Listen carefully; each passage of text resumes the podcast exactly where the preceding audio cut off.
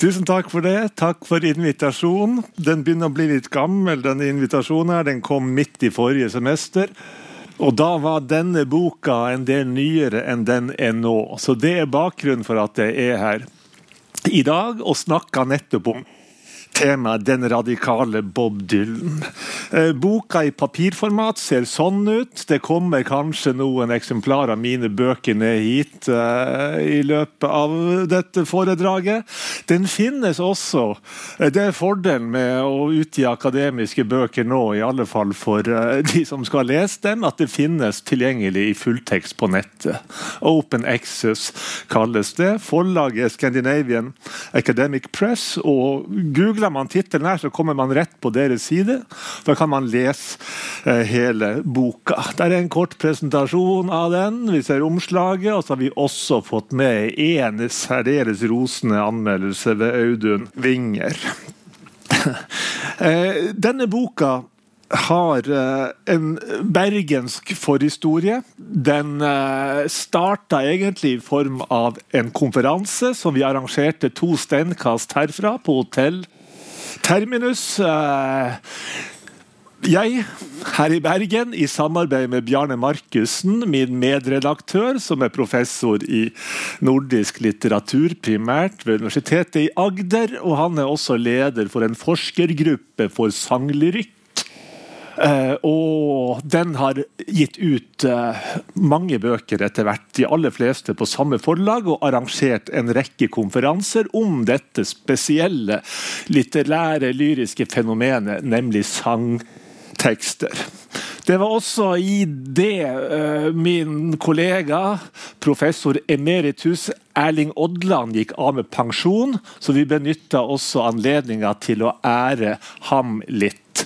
Eh, mange her vet sikkert at han er den, i Bergen i alle fall, og nasjonalt i akademia, som har skrevet mest og forska mest på eh, sangtekster, på sanglyrikk, og da særlig på Bob Dylan. Det er ikke så lenge siden nå. Etter denne konferansen ble avholdt, så kom han også ut med en stor bok hvor han går igjennom hele Bob Dylan sitt sanglyriske forfatterskap, eller hele hans sangverk.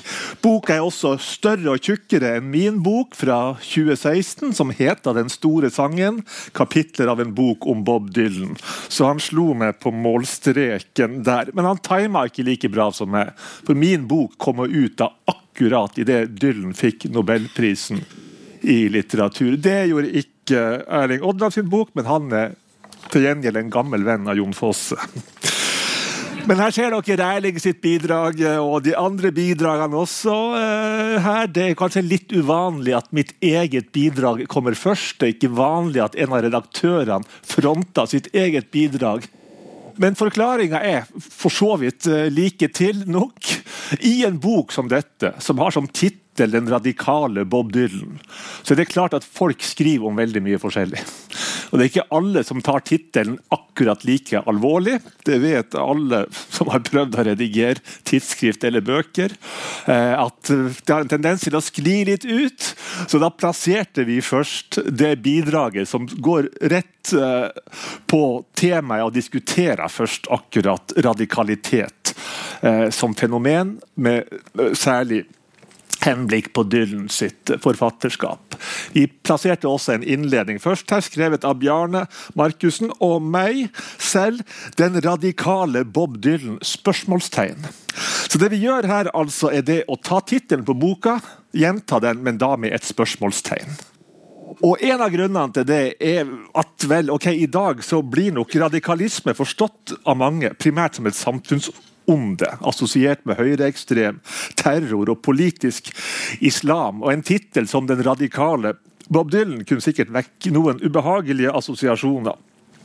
Så Derfor plasserte vi dette spørsmålstegnet etter hovedtittelen i innledninga, der vi også prøvde å gi en forklaring på hvorfor vi mener at en sånn tittel er på sin plass.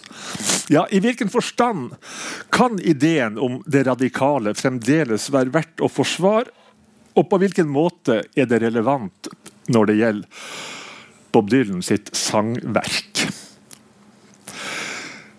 Det er ikke så lenge siden radikal, som jo har en etymologi, en ordhistorie, som går tilbake til det latinske ordet for rot, radix, derav radikal. Det er ikke så lenge siden dette ordet hadde en ganske annen valør enn det har i dag.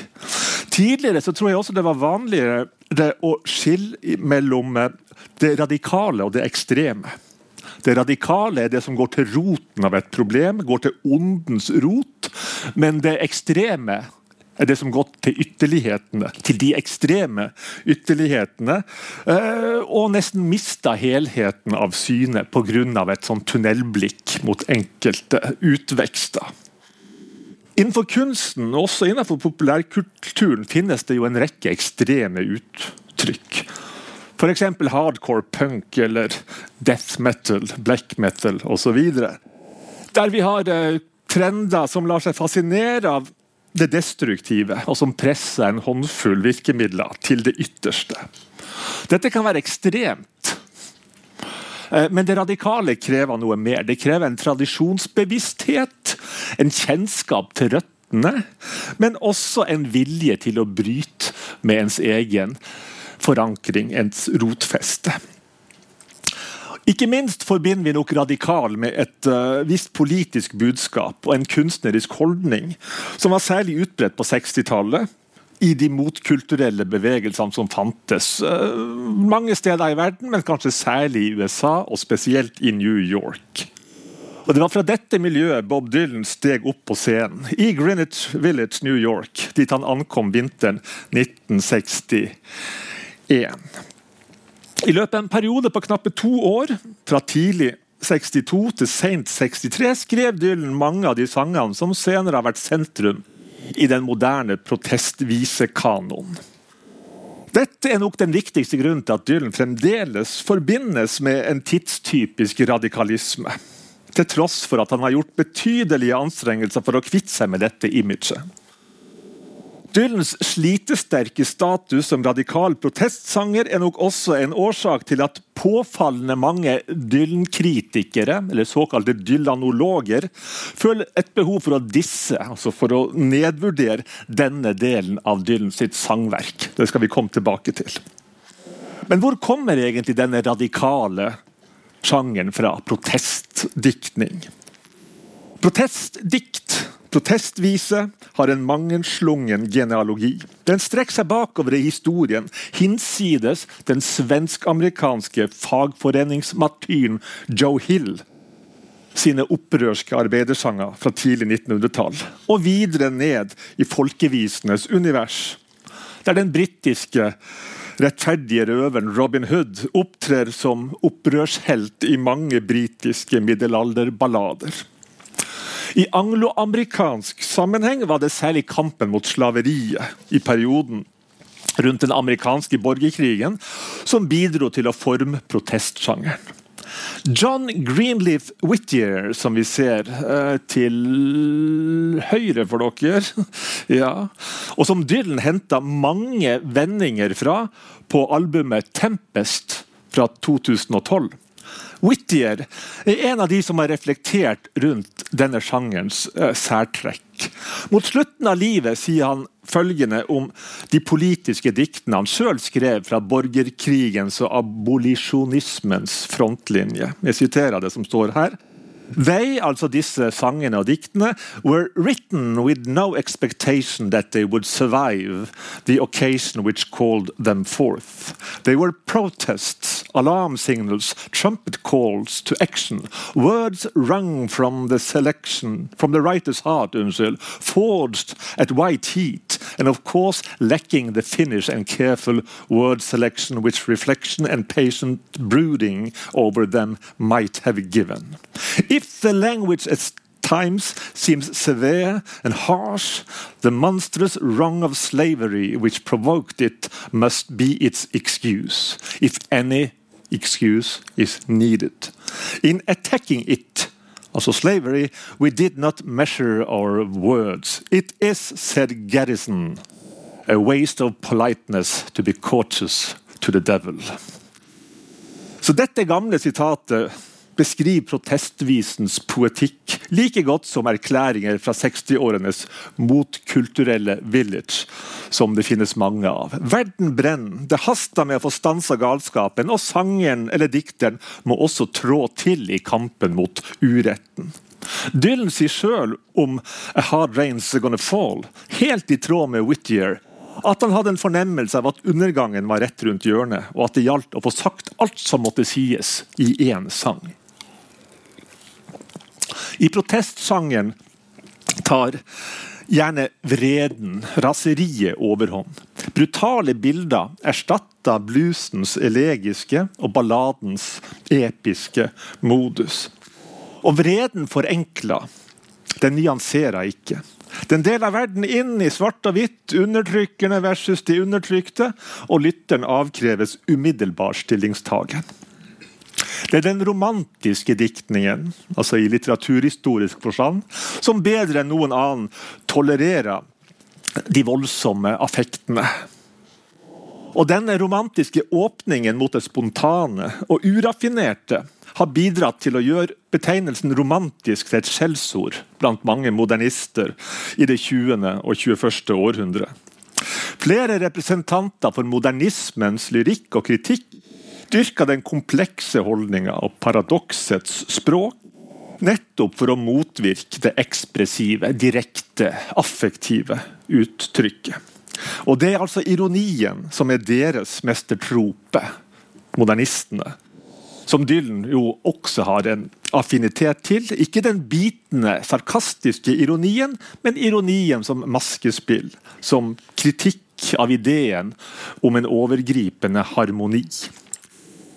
Raseriet hører ikke hjemme her, for raseriet er alltid en altoppslukende og uironisk affekt. Det er nok eh, rester av en slik holdning som ligger til grunn for dagens nokså brede konsensus om at Dylans protestviser ikke holder samme kunstneriske mål som hans senere modernistiske rockelyrikk. They, vil si publikum, wanted to be told that the world was divided into two sides right and wrong. And they, publikum, wanted to be told that they were right, skriver Greel Marcus, Dylan-kritikkens grand old man. And that's what he gave them, sier han. Det finnes en rekke lignende negative vurderinger fra kjente Dylan-kritikere av Dylan sine radikale protestsanger. Men etter mitt syn, og etter vårt syn, så må politisk sanglyrikk, i likhet med alle andre sjangre, vurderes langt på vei, i alle fall, på deres egne premisser. Man kan ikke ganske enkelt knesette ironi, maskespill, kompleksitet som et ufravikelig lyrisk prinsipp. Dertil kommer også at disse fordommene mot protestdiktning generelt, og mot Dylan sine protestviser generelt, har en lei tendens til å tilsløre de nyansene, språklig så vel som tematisk, som faktisk finnes i mange av Dylans protestviser. La oss derfor kaste et blikk på et par av dem, altså Dylans protestviser. Det mest kjente er selvsagt 'Blowing in the Wind', som et tema for Erling Odland, fremdeles eh, kollega, professor emeritus, eh, sitt bidrag til boka. Han skriver da, eh, nesten som om han hadde hørt teksten for første gang og ikke hadde lest noe om den tidligere, om denne sangen som er den mest kjente, og som har vært den musiserende venstresidens egen hymne, kunne man si, i 60 år nå. Som noen vet, så er denne sangen basert på en gammelt spiritual. No More Auction Block, som det finnes uh, faksimile av her til høyre for dere. En sang som Dylan hadde på repertoaret på sine tidlige New York-opptredener. Dylans remake av denne sangen gir et enkelt, men virkningsfullt bilde av de grunnleggende konfliktlinjene i kampen for frihet, likhet og brorskap. Særlig dreier det seg om de svartes rett til å bli behandla som likeverdige mennesker. How many roads must a man walk down before you call him a man? Men det handler også om kampen mot krigen og mot den moderne våpenindustrien. Yes, and how many times must the cannonballs fly before they're forever banned? Disse to temaene vever sammen på en lavmælt og lydhør måte. Samtidig som den verdslige, politiske protesten tar opp i seg en åndelig uro som peker fram mot Dylans kanskje kraftigste brudd med sitt gamle publikum i og med gospelfasen omkring 1980. Vi ser også på dette lysarket her eh, ja, dere kjenner kanskje bildet her fra protestmarsjene under borgerrettskampene, hvor de svarte går i gatene med plakater 'I am a man', mens politi og militære står og passer på dem eh, på eh, fortauet. Så i min lesning så er også denne 'How many roads must a man walk down before you call him a man' en direkte henvisning til dette dagsaktuelle på den tida uttrykket. Erling Odland tar lesninga mer i en åndelig, eh, nærmest metafysisk retning. Uh, uten at det trenger å være motsetninger, nødvendigvis. Og Vi ser også eh, bilder av Odetta og av eh, Robson, som begge to hadde denne sangen på sitt repertoar. Langt de fleste av Dylans tidlige protestviser handla om de samme spørsmålene, nemlig krigstrusselen og rasespørsmålet, men da som regel behandla hver for seg, og på en mer direkte, ofte brutal måte enn i denne gamle protesthymnen. Rasespørsmålet er også et spørsmål om raseri. Om undertrykkelse, om oppdemma aggresjon og vold. Og Dylan var særlig opptatt tidlig i sitt sangverk av å skildre obskøniteten i den rasistiske volden. Uretten er også et tema. Mangelen på rettferdighet. Den systemiske aksepten for despoti og overgrep. Også det juridiske og politiske systemet sin aktive rolle i opprettholdelsen av en utilbørlig situasjon, som den som angikk behandlinga av de svarte, særlig i sørstatene under Jim Crow-regimet.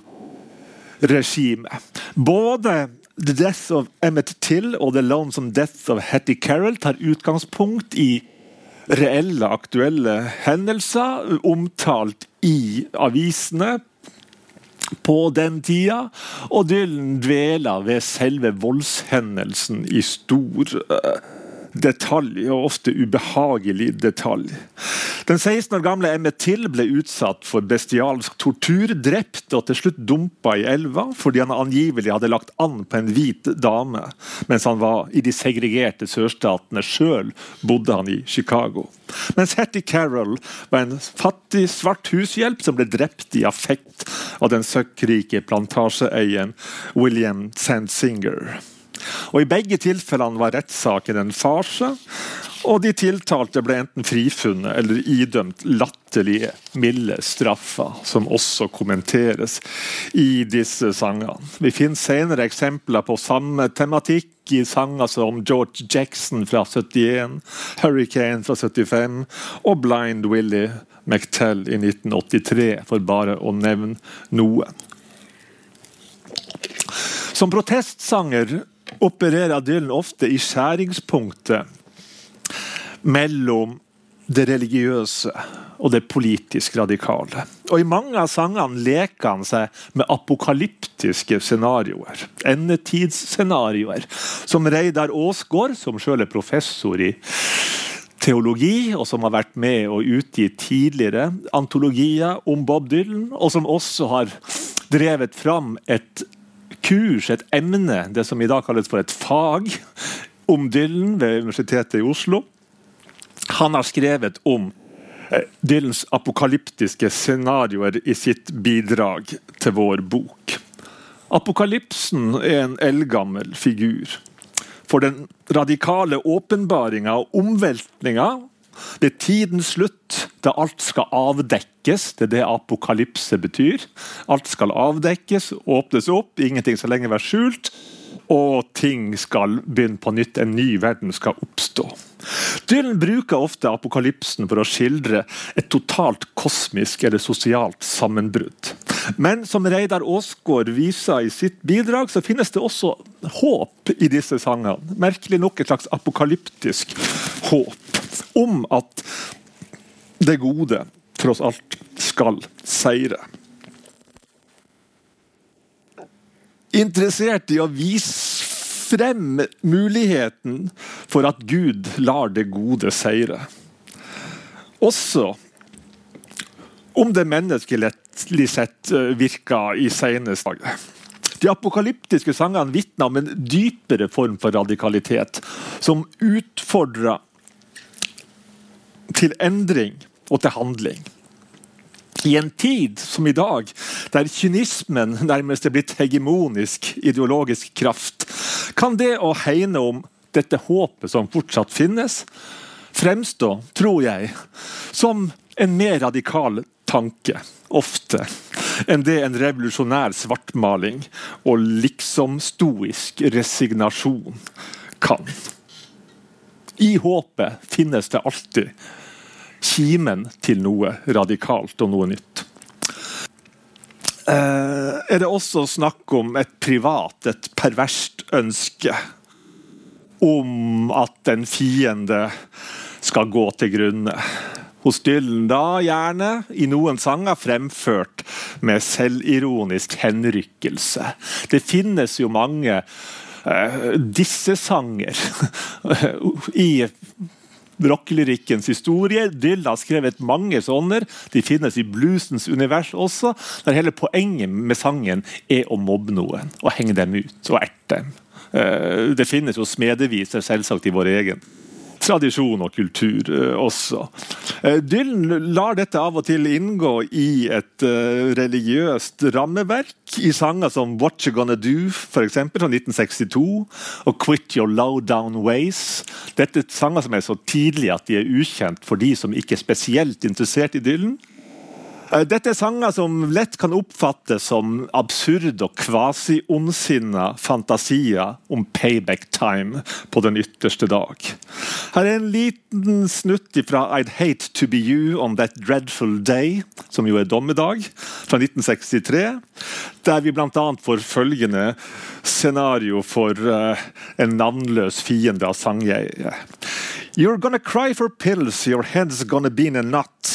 But the pills are gonna cost more than what you got. Hey, hey, I'd sure hate to be you on that dreadful day. Det er vanskelig å ta dette på fullt alvor, selv om noen har prøvd. Men dette her det, det skal være morsomt. Altså, det er hevnfantasier. Uh, uskyldig uh, pervers ondskap på fantasinivå. Og Dylan synger også med latter i stemmen. og Han avslutter sangen, som bare finnes i et demoopptak, utgitt da på Whitmark Demos, eh, veldig lenge etter eh, sangen ble skrevet. Da sier han en spøkefull kommentar til lydmannen. That's my calypso tap number. Altså dette er mitt calypso-dansnummer. Så vi har lurt på om vi egentlig mener at vi skal kunne høre et ordspill her. At calypso tap skulle være apokalypso tap number men uh, mulig at det er litt for raffinert. I så fall vil det være snakk om en slags glad apokalypso gjennom skuggeheimen. Den triumferende apokalyptiske grunntonen finnes også i en mer alvorlig sang som 'When the Ships Come In', fra 'The Times They Are Changing'. Her får vi utbrodert en poetisk dommedagsprofeti i maritime omgivelser.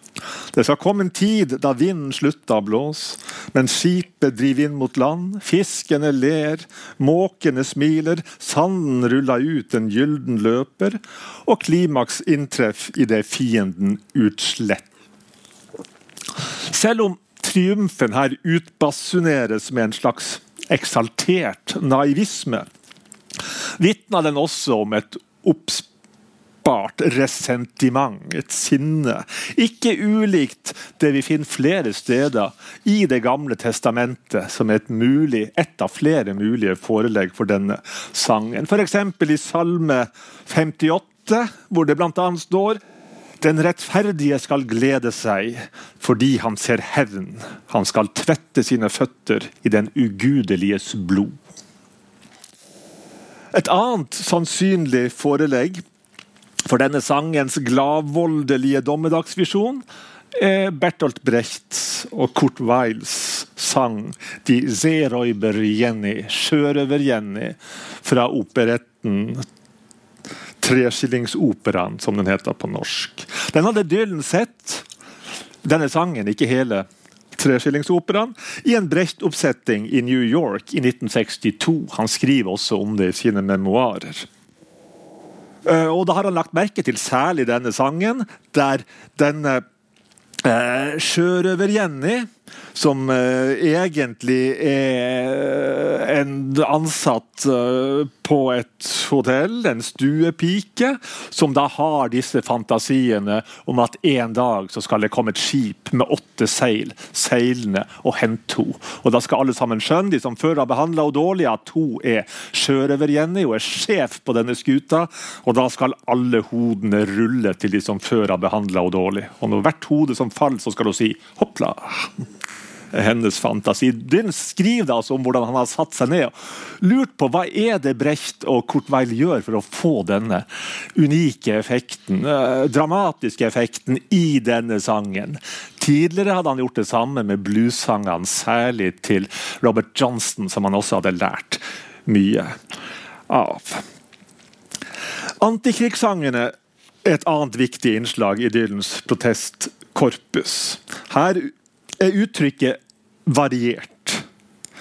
I den tidlige sangen fra debutalbumet 'Let Me Die In My Footsteps' 62 har vi en idyllisk og erkeamerikansk sang om motviljen mot å gå under jorden. Dvs. Si gjemme seg i bomberommene, sånn som man ble oppdratt til å gjøre under den kalde krigen. Alle skolebarn fikk utdelt bøker om hvordan de skulle gjemme seg under pulten, og hva de skulle foreta seg dersom alarmen om atomangrep kom.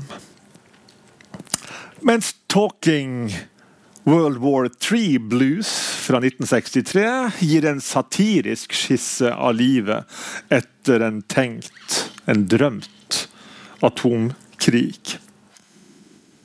I 'Masters of War', som alle her har hørt En av fordelene med å snakke om Dylan er at man slipper å spille eh, eksempler. på tekst. Alle vet hvordan Dylan høres ut, selv om han høres veldig ulik ut i ulike faser. Og de mest kjente sangene har alle hørt. Det er ingen her som ikke kjenner til 'Masters of War'. Som for øvrig er sangen som av det renommerte musikktidsskriftet Mojo ble kåra på, havna på førsteplass på kåringa av de 100 mest protestsangene. Der hører vi Dylan på sitt mest uforsonlige og rasende. Han gir seg over til vreden, i alle fall i teksten. Og sangen kulminerer i et utilslørt ønske om at sangens you, som er krigsherrene eller krigsprofitørene, at de skal dø. Men på sedvanlig Dylan-vis så avstemmes dette raseriet mot en kontrollert såkalt deadpan-fremføring. Det at du ikke gir uttrykk for dine affekter mens du synger. De er der i sangen, men sjøl forholder du deg rolig og mer observerende til uh, affektene. Noe som tilfører sangen en ekstra og foruroligende dimensjon. En av eh, denne sangens største apologeter, Mike Marcusi, sier følgende Masters of war is magnificently enraged and enduringly radical. Her er det ikke snakk om noe reaktivt resentiment. Men det er snakk om en bejaende hevntørst som avviser ethvert kompromiss det unge sangjeget han omtaler seg sjøl som ung, You might say that I'm young, you might say I'm un unlearned. Uh, men likevel så slår han seg ikke til ro med noen bortforklaringer som helst. Han fortsetter mot alle odds å insistere på at det ikke finnes noen tilgivelse. Ikke engang Jesus vil tilgi dette som dere har gjort. Så Den tidlige idyllen knytta seg med andre ord til en rebelsk sangtradisjon. Han stiller seg solidarisk med de fattige og underprivilegerte. Og han kritiserer i ulike poetiske modi rasediskriminering, krig, maktmisbruk, strukturell vold osv. Og I den grad det formuleres noen utopi i disse sangene, eh, så skjer det med religiøse overtoner. Dylans oppgjør med sin egen protestpoetikk starta allerede Og det skjer med den skandaløse talen som han holdt da han mottok The Tom Paine Award. Tom Paine er, som dere kanskje vet, en kjent uh, amerikansk uh, frigjøringshelt revolusjonær republikaner, i den betydninga ordet den gang hadde, ikke i dag. Prisutdelinga var et årlig evenement i regi av Emergency Civil Liberty Committee. Og det ble lagt til den såkalte Bill of Rights-middagen. Vi ser fra bildet at Dylan tydeligvis hadde James Baldwin til bords. Foran 1400 gjester åpna en temmelig bedugget Dylan sin takketale med å beklage seg over at så mange av middagsgjestene på denne radikale, liberal-radikale middagen, at så mange gjester ikke hadde hår på hodet. Egentlig burde de vært ute på stranda alle sammen, sa han. Slik som det sømmer seg for gamle folk. Nervøs latter i lokalet. Dylan høsta applaus da han mintes Woody Guthrie og den politiske situasjonen i USA på 1930-tallet. Woody Guthrie var jo Dylan sitt første, virkelig, andre kanskje virkelig store eh, forbilde. Hovedpoenget var imidlertid at tidene forandra seg, og at ting ikke lenger var like enkelt som de var den gang. There's no black and white, sa Dylan, left and right to me anymore. There's only up and down, and down is very close to the ground. And I'm trying to go up without thinking about anything trivial, such as politics. Dette, som med en viss velvilje kan oppfattes som en pastisj over Paulus sitt radikale budskap om at det ikke lenger finnes jøde eller greker, mann eller kvinner osv., blir vridd til en personlig fornærmelse når Dylan kommenterer de militante afroamerikanernes konforme klesvaner. Mine svarte venner trenger ikke gå i dress, sier han. Katastrofen var et faktum da Dylan slutta talen med å antyde at han kunne kjenne seg igjen i Kennedys drapsmann, Lee Harvey Oswald, som sjøl var blitt myrda bare et par uker før denne middagen fant sted. Som en mild forsmak på Dylans konfrontasjon med publikum på de elektrisk-akustiske konsertene i 65-66, så var det omtrent like deler buing og applaus fra han da han var ferdig. Men i dagene som fulgte, måtte en mer nykter Dylan, sannsynligvis med hjelp av manager Albert Grossman, drive massiv brannslokking. Paradoksalt nok skjedde dette før Dylan sitt ultimate protestalbum 'The Times They Are A Changing', der han poserer på omslaget som folk-autentisk 'Angry Young Man', ble utgitt. Det kom først i 64, selv om det var spilt inn i 63. Så mye hadde skjedd på veien. Det mest interessante oppbruddet skjer eh, imidlertid på hans neste album, som hadde den like programmatiske tittelen 'Another Side of Bob Dylan'. Her skulle vi få se en side av Dylan som vi ikke hadde sett på hans tidligere album. Dette nye albumet består av et knippe sanger som var så ny at enkelte knapt var ferdigskrevet da de ble spilt inn. Vi kan høre på noen av dem at Dylan ikke hadde bestemt seg. Vi kan jo se på albumet der nederst til høyre. og uh, Et sekund til. Han hadde ikke helt hadde bestemt seg for hvilke akkordrekke han skulle spille, så det forandres fra vers til vers i flere av sangene. Han spiller og synger her som om han virkelig ville hatt et band i ryggen, og det får han jo året etter også. Så det er visesangen, bluesvisesangen, balladesangen, protestsangen som er på vei over i et annet register. Som ja, synger om andre temaer. Eh, mer introvert, men som også virkelig venta på å gå på scenen med mer trøkk og mer lyd i ryggen. Altså Det kretser omkring indre erfaringer tekstmessig. Det reelle og imaginære erotiske fremstøt. Det granskende tilbakeblikk på egen kunstnerisk utvikling og mer eller mindre ondskapsfulle oppgjør med gamle elskere og deres familie. Siste sporet, 'It Ain't Me Babe', er bokstavelig lest en usentimental avskjed til en kvinnelig beiler. Men det kan også med små justeringer oppfattes som Dylans takk og farvel til sin gamle tilhengerskare i det venstreliberale kulturetablissementet. Men de sangene som tematiserer dette bruddet mest utvetydig, er etter mitt syn trekløveret To Ramona, My Back Pages og Chimes of Freedom. Hver på sin måte vinka Sangøye i disse tre sangene farvel til det musikalske og politiske fellesskapet han sjøl hadde vært en særdeles viktig del av, men som han nå merker at han har vokst fra. Jeg skal si litt om hver av disse tre uh, sangene i dette perspektivet.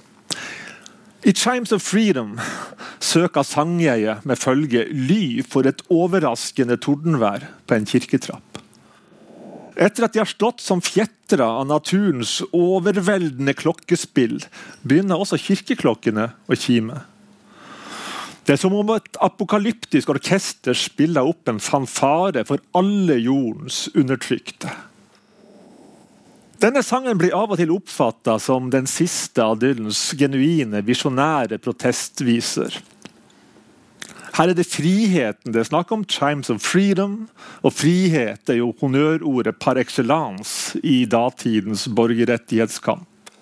Og omkvedet sin katalog over de proletære eksistensene som frihetsklokkene ringer for, åpna med 'The warriors whose strength is not to fight' en mulig allusjon til aktivistene fra Student Non-Violent Coordinating Committee, som var utplassert i Greenwood, Mississippi, der Dylan året før hadde vært på en politisk musikalsk dannelsesreise. Et snapshot av det eh, nederst til venstre på sida her. Eh, Dylan sammen med Pete Seeger, og på bildet navnløse svarte med stemmerett, som da det er meninga at disse utsendingene skal få dem til å bruke.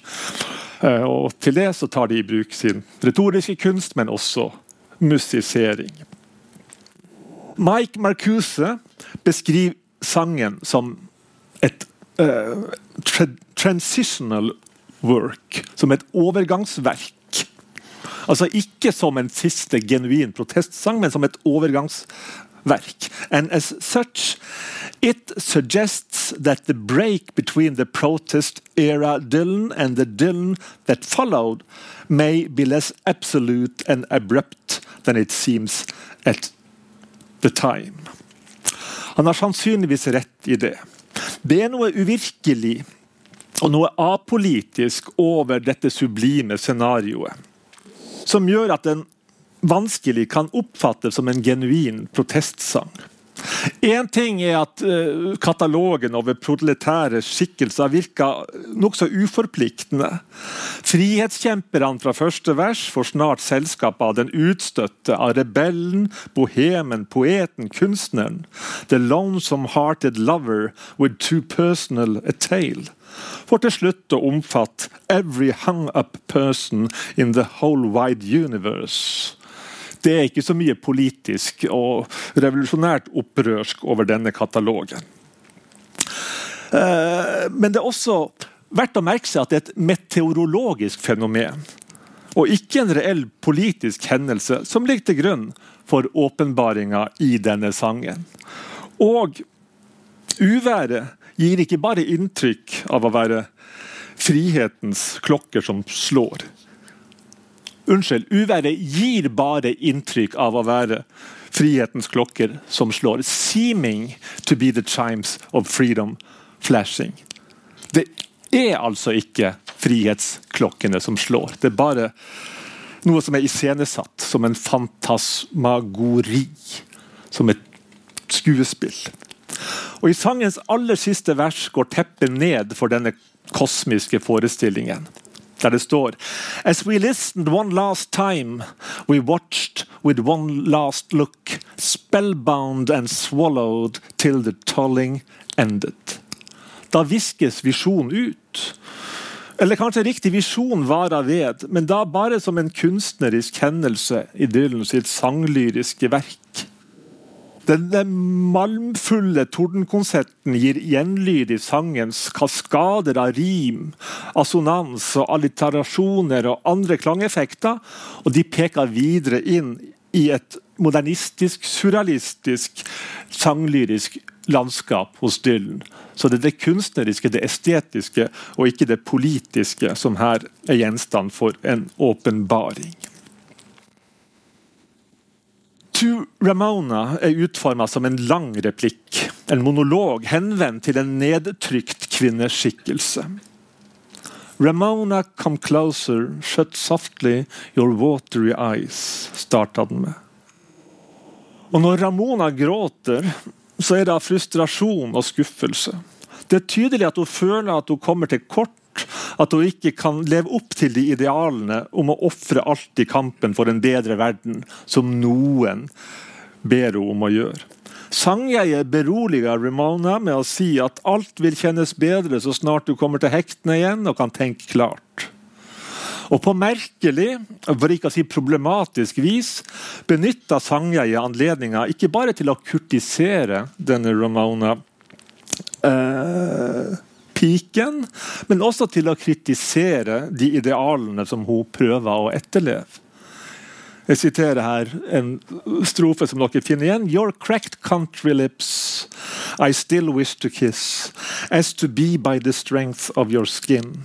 Your magnetic movements still capture the minutes I'm in. But it grieves my heart, love, to see you trying to be a part of a world that no long that just don't exist. It's all just a dream, babe, a vacuum, a scheme, babe, that sucks you into feeling like this. De neste versene lar det skinne nokså klart igjennom hvilken verden og hvilke idealer det her er snakk om. Det er politikk det handler om. Borgerrettsaktivistene har fora Ramona med et ferdigtygd budskap om frihet og likhet og nær forestående sosiale omveltninger, som er de verdiene hun har stått på barrikadene for. Nå er Ramona i tvil om hun skal dra tilbake til sørstatene, der frontkjemperne setter livet på spill, eller om hun skal bli værende i storbyen med alt det innebærer av gremmelse og selvforakt. Sangøy er ikke i tvil om at dilemmaet først og fremst skyldes en destruktiv ideologi. Han setter til og med spørsmålstegn ved Ramonas likhetsidealer. Alt dette er bare annenrangs holdninger du har henta fra fixtures and forces and friends, sier han. De tar knekken på det. De tar knekken på din selvfølelse og på din selvstendighet. Og de gjør det med overlegg. Sånn at du skal føle at du må bli akkurat som den.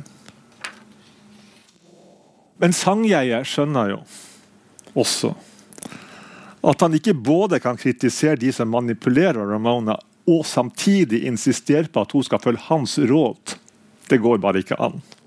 Innerst inne vet han derfor at hans eget budskap er pånyttes, og at det er hun som må ta beslutninger på selvstendig grunnlag. Alt er en overgang, alt vil uansett forandres, sier han. Just do what you have to do, and someday, maybe, Who knows, baby? I'll come and be crying to you. Den siste av disse tre sangene jeg kort skal kommentere, var My Back Pages. Og er nok den sangen som ut ifra nokså lignende scenarioer, bortsett fra at der er det ikke lenger en kvinnelig du sangjeget henvender seg til, tar et oppgjør med sin egen fortid og sin politiske ideologi. Og Det er nok den som tydeligst annonserer et poetisk skifte i Dylans sangverk. Sangen iscenesetter noe så sjeldent som en kunstners generasjonsoppgjør med seg sjøl. Sangens paradoksale, men likevel krystallklare hovedbudskap er lagt til det kjente refrenget Ah, but I was so much older then. I'm younger than that now. Dylan tar altså farvel med sin egen puerile overmodenhet fra bare noen måneder tidligere. Og feirer sitt nyvunne, ungdommelige gemytt. I versene tegner Dylan en karikatur av sin egen fortid som protestsanger. Den gang sang han med blodrøde flammer rundt hodet og med ideer, ideologi som veikart. Hellig overbevist om at endetiden var nær. We'll meet on edges soon, Serai, som i mange av de tidligere apokalypsesangene. Men sangjegets overbevisning var, i likhet med Ramonas overbevisning, uten atlært de var ikke hans egen. Egentlig var det ikke han selv som sang. Han lot seg bruke som en buktalerdukke av bevegelsens self-ordained professors, som hadde mata han med politisk korrekte meninger. Half-cracked prejudice leaped forth. Ripped down all hate, I screamed. Lies that life is black and white spoke from my skull. I dreamed romantic facts of musketeers, foundationed deep somehow. Ah, but I was so much older then. I'm younger than that now. I tillegg kommer mistenksomheten og aggresjonen som gjør at han automatisk havner i forsvarsposisjon når han møter noen fremmede, eller noe fremmed, selv om han egentlig ikke har noen posisjon å forsvare. Yes, My God stood hard when abstract threats, too noble to neglect, deceived me into thinking I had something to protect. Også dette er altså et bedrag, noe Sangjei ikke forstår der og da, men som han innser i ettertid. Han blir sin egen fiende i samme øyeblikk som han inntar en autoritetsposisjon som egentlig ikke er hans. Og når han doserer et budskap han har blitt pådytta av bevegelsens corps evangelists.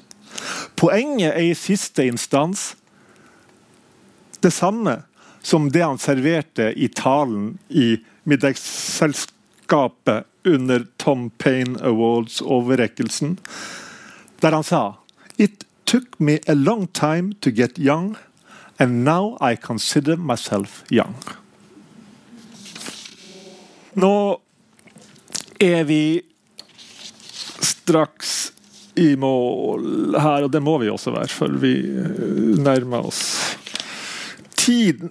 Vi får stilt spørsmålet. altså Dylan tar et oppgjør her, og det gjør han senere også, og snakker om den politiske 60-talls uh, protestgenerasjonen som død. I et Playboy-intervju fra 1996 så sa han om uh, folkemiljøet at de var a bunch of fat people om sanger som 'Which Side Are You On', den mest kjente protestsangen på den sida, They're not folk music songs, they're political songs. They're already dead. Men hva skjer når Dylan forsøker å kvitte seg med protestpersonen og beveger seg over i et uutforska sanglyrisk terreng? Gir han da avkall på en poetikk som kan kalles radikal? Det finnes et par grunner til å svare benektende på det. For det første så fortsetter Dylan øh, å synge mange av de gamle protestsangene. Vi kan ta oss over der for slutten her. Uh, gjerne i sammenhenger der konteksten gir dem en ekstra brodd, en ekstra dimensjon. Og han skriver nye sanger om de samme temaene om enn med en annen lyrisk valør. USAs politiske historie med slaveri, borgerkrig, opprivende rasekonflikter og spørsmål om fred, frihet og sannhet løp som en tydelig renning gjennom hele Dylans sangverk. I en sang som John Wesley Harding fra albumet med samme navn i 67 konstruerer han sin egen Robin Hood-skikkelse. Paradoksalt nok med utgangspunkt i den alt annet enn barmhjertige massemorderen John Wesley Harding. I en sang som 'Political World' fra 1989 skildrer han en verden hvor visdommen er fengsla og freden er en uønska gjest. I 'Murder Most Foul' fra Dylans hittil siste album fra 2020, altså 'Rough and Roady Ways', så vender han tilbake til Kennedy-mordet og dets historiske betydning, for bare å nevne noen få eksempler. På politisk tematikk over et tidsspenn på mer enn 50 år. Denne kontinuiteten forhindrer ikke at Dylan noen ganger terger på seg den radikale venstresida. Eh, han vil ikke omfavnes av noen, og han lever godt av en viss konfrontasjon med sitt publikum og sine omgivelser, kunstnerisk sett.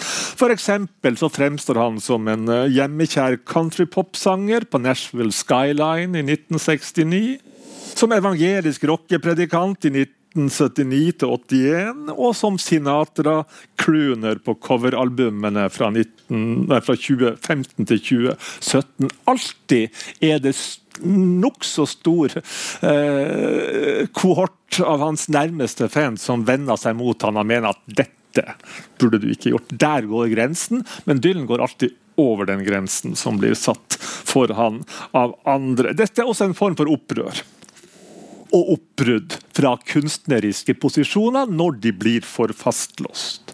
For den andre så har Dylan en radikalitet som er mer kompleks enn bare det politiske.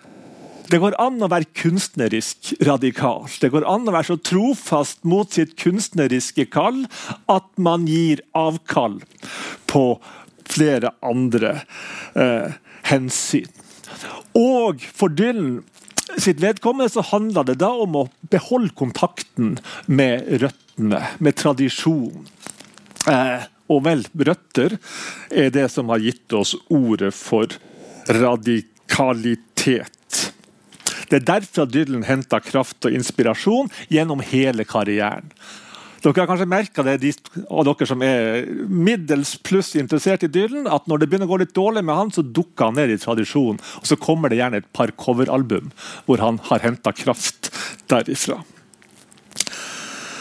Om Dylan tidlig i karrieren kunne gjøre bruk av et romantisk uttrykk, så fjerna han seg mer fra denne romantiske poetikken og forestillinga om originalt og skapende kunstnerisk virksomhet etter hvert.